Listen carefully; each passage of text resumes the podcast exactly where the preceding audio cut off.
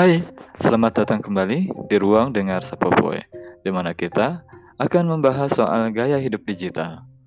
Bagaimana kabarnya, wahai warga digital yang merangkap sebagai warga Indonesia? Saya harap kita semua baik-baik saja. Masih dengan Jorel di sini. Kali ini kita akan membahas soal skill dalam bermain game. Lebih tepat, Eh, kami memberi judul Skill Essential agar menjadi Lionel Messi di e-sport. Kita ketahui atlet profesional sepak bola asal Argentina, Lionel Messi, bisa memperoleh penghasilan baik dari gaji maupun sponsor hingga 104 juta dolar. Namun, apa yang membuat Messi memperoleh bayaran setinggi itu? Tentunya, skill yang Messi miliki menjadi jawabannya. Namun, skill apa yang kita butuhkan dalam konteks bermain game? Skill apa yang kita butuhkan agar dapat menjadi seorang Lionel Messi di bidang e-sport atau atlet e-sport profesional? Seiring dengan meluasnya akses internet, juga canggihnya perangkat, juga anggota ekosistem lainnya, bermain game kini bukan hanya menjadi selingan di waktu luang, namun juga bisa menjadi jalan karir.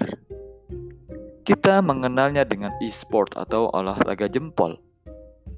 Dengan bermain game, seseorang dapat memperoleh ketenaran, memiliki jumlah followers yang banyak, dan bahkan memperoleh penghasilan yang bukan hanya jutaan, namun bisa mencapai miliaran rupiah. Mengutip dotesport.com, penghasilan tertinggi di dunia dari bermain game saat ini mencapai 6,9 juta dolar atau sekitar 99,6 miliar rupiah. Wow. Dialah Johan Notail Sonstein yang merupakan veteran Dota 2 Notile memperolehnya setelah membawa timnya OG memenangkan pertandingan pada ajang The International pada kedua kalinya berturut-turut pada 2019.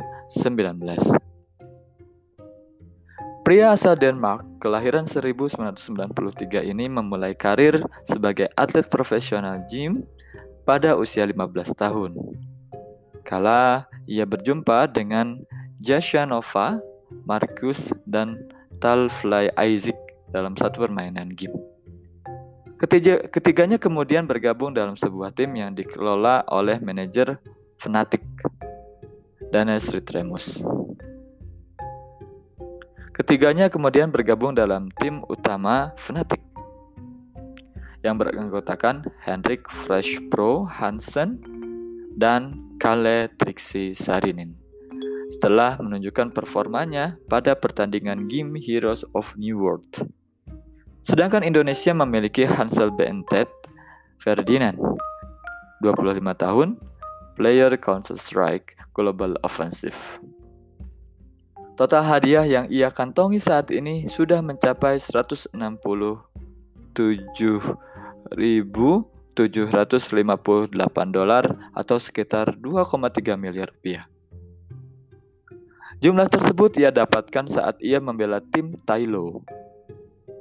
Posisi kedua dan ketiga ditempati oleh si kembar Made Bagus Luksi Prabaswara, 17 tahun, dan Made Bagus Zuksi Pramudita, 17 tahun.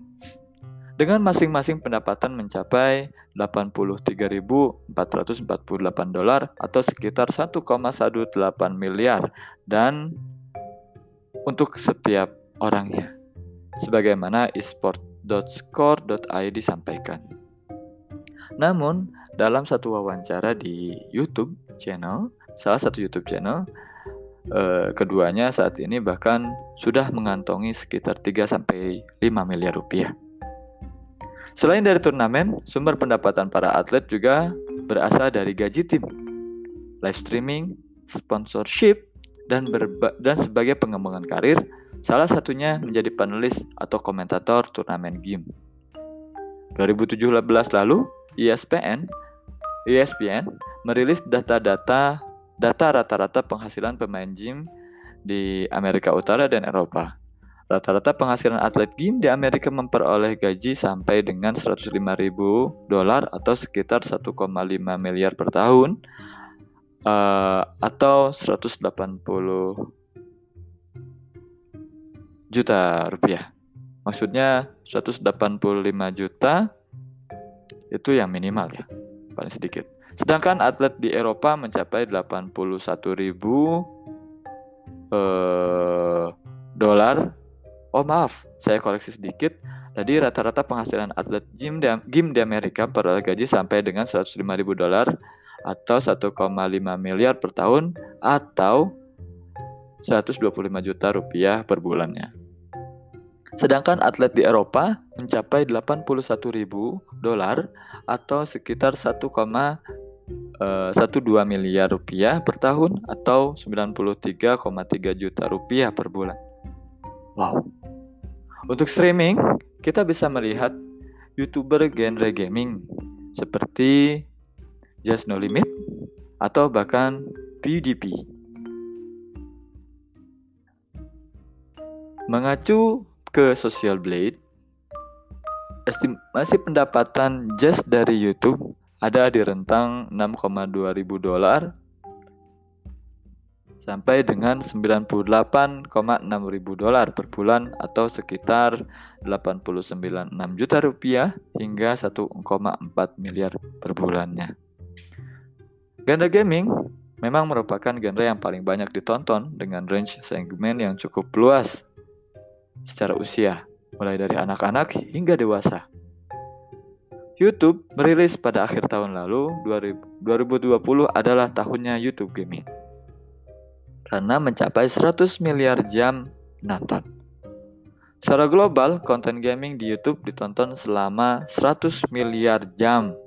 Ungkap pihak YouTube dalam salah satu blognya. Itu sama dengan seperti Anda traveling pulang pergi ke Neptunus sebanyak 475 ribu kali. Belum lagi jika para gamers ini juga aktif menggunakan Twitch saat bermain game secara live Sejatinya, ada empat keran potensi pemasukan dari para uh, pemain game. Pemain game yang menggunakan Twitch, mulai dari donasi dari para fans hingga penghasilan dari iklan. Yang pertama, donasi. Uang donasi ini langsung mengalir ke rekening sang gamer, melainkan uh, hanya dipotong untuk biaya administrasi PayPal atau kartu kredit jika Anda menggunakannya. Kedua, penghasilan dari langganan berbayar. Bagi mereka yang sudah mencapai jumlah streamer tertentu, Twitch biasanya membagi dua pendapatan dari keran kedua ini. Jika sang gamers memperoleh 10.000 viewers di setiap streaming, Twitch memberi 30%. Salah satu gamers yang sukses menggunakan Twitch ialah Tyler Blevin alias Ninja. Mungkin Anda juga mengenalnya. Dengan 200 ribu subscriber berbayar, ia memperoleh sekitar 500 ribu dolar per bulan atau sama dengan 7,2 miliar per bulannya. Rupiah ya, 7,2 miliar rupiah. Ketiga, dari iklan. Mirip dengan di YouTube, gamer bisa mendapatkan penghasilan dari iklan tentunya dari pihak ketiga, baik berupa pre-roll pre-roll ads yang tayang di awal streaming atau di sela-sela tayangan. Jeremy Wong, Jeremy Wang alias Disquised Toast berhasil memperoleh 10.000 dolar per bulan atau 144,4 juta rupiah. Dan yang keempat dari sponsorship. Seorang gamer mendapatkan bayaran untuk memainkan game tertentu. Gamer akan memperoleh bayaran mulai dari 1 sen hingga 1 dolar per jamnya. Seorang gamer top bahkan bisa memperoleh hingga 10.000 dolar atau sekitar 145 juta rupiah per jamnya. Gamer juga dapat memperoleh bayaran dari sponsornya dengan cara sang gamer membuat video bersponsor di YouTube. Bayarannya bisa mencapai 5.000 dolar per 30 detik atau sekitar 71,7 juta luar biasa. Untuk sponsorship, uh, secara atlet game atau atlet e-sport dapat memperolehnya secara perorangan. Jumlah sponsor dapat kita lihat pada logo yang tertera di jersey yang mereka gunakan. Beberapa pemain bahkan menempatkan logo setelah tulisan nama sang pemain. Tentu dengan harga yang lumayan ya. Dari sponsorship inilah para atlet mendapatkan gajinya dari manajemen tim. Secara keseluruhan, pemasukan dari sponsorship dan iklan inilah yang mendominasi pemasukan bagi tim. Jumlahnya mencapai 90% dari keseluruhan pemasukan bagi sebuah tim. Dengan ketenaran yang diperoleh satu brand tim atlet, ikatan emosi pun terjalin dengan para penonton atau para penggemar sang atlet. Kemudian, manajemen tim menyediakan merchandise sebagai tambahan pemasukan bagi tim mereka. Namun, untuk mencapai tahap tersebut, ada jalan yang harus ditempuh. Hobi bisa menjadi pintu masuk. Namun, hobi yang menghasilkan ialah hobi yang Anda tekuni.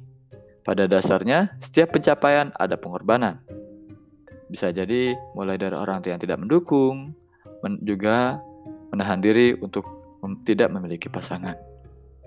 Baga sebagaimana yang juga rilis riset yang ESPN lakukan pada 2017 lalu, mereka mengungkapkan kehidupan sehari-hari para atlet Pro League of Legends 61% dari 33 atlet anonim mengaku tidak mendapatkan restu orang tua pada awalnya. 67, 67% mereka juga tidak memiliki pasangan. Bagaimana tidak? Mereka bisa menghabiskan rata-rata 21 jam per hari, bahkan paling lama hingga 80 jam untuk satu sesi permainan. Jika kamu memang berniat menjadi atlet e-sport pro, ada tiga skill esensial yang perlu kamu kuasai menulis, menurut penulis buku The Book The Book of E-Sport sekaligus CEO e-sport William Collins. Dalam paparannya yang dimuat oleh TED.com, tiga skill esensial itulah itu ialah pertama mechanical skills. Collins mengistilahkan skill ini sebagai skill mikro Skill ini akan membantu para atlet dalam menghadapi dunia pixel dengan akurasi yang sempurna. Skill ini mirip dengan yang kita gunakan ketika bermain piano. Ia mengatakan, aliran musik dan waktu juga memprediksi tindakan serta reaksi lawan. Ujar Collins, yang terpenting seperti piano, atlet e-sports profesional harus menekan lusinan tuts sekaligus. Dan yang kedua, ialah strategic skill. Skill makro ini akan membantu para pemain game mengatur strategi dengan cakupan lebih luas dalam rangka memenangkan pertandingan game. Skill ini sama seperti skill yang kita gunakan untuk memenangkan pertandingan catur. Anda harus merencanakan serangan dan serangan balik dan memanipulasi perang yang Anda lakukan untuk kemenangan Anda, ujar Collins. Namun yang juga perlu kita perhatikan, tidak seperti catur, e-sport terus berevolusi secara konstan. Yang ketiga ialah leadership leadership skill. Sebagaimana permainan atau pertandingan lainnya, ketika bermain dalam satu tim, kerjasama antar pemain akan sangat menentukan menang atau kalah. Untuk itu, headset biasanya menempel pada kepala para pemain game. Collins mengatakan, keterampilan ini sangat diperlukan oleh pemain tim, oleh pemimpin tim, hingga dapat menyatukan anggota timnya, terutama di momen-momen kritis untuk menginspirasi anggota tim melakukan all-in terakhir yang berisiko di markas lawannya. Collins mengatakan sebagai kalimat penutup, semua skill itu ada tataran, ada di tataran mental. Tidak seperti skill yang diperlukan untuk berkarir di olahraga basket yang mempersyaratkan tinggi badan untuk lima kaki, ujarnya dalam kalimat penutup, e-sport tidak memandang tinggi badan, gender, usia, bahkan mereka yang memiliki kebutuhan fisik unik pun bisa beradaptasi dengan e-sport. Bagaimana? Apakah Anda tertarik untuk menjadi atlet e-sport profesional? Tentunya uh, tiga skill esensial tadi bisa menjadi acuan uh, dan juga uh, kondisi di mana mereka harus mendapatkan tantangan dan seterusnya. Jadi bukan sekadar hobi lagi gitu ya yang kita hanya bisa hanya melakukan di setelah diseling waktu kerja, diselingan waktu sekolah, menjadi atlet adalah perkara uh, yang membutuhkan fokus. Meskipun itu dalam tanda petik hanya bermain game. Sekian dulu untuk kesempatan kali ini. Sampai jumpa lagi uh, di bahasan selanjutnya. Sampai jumpa.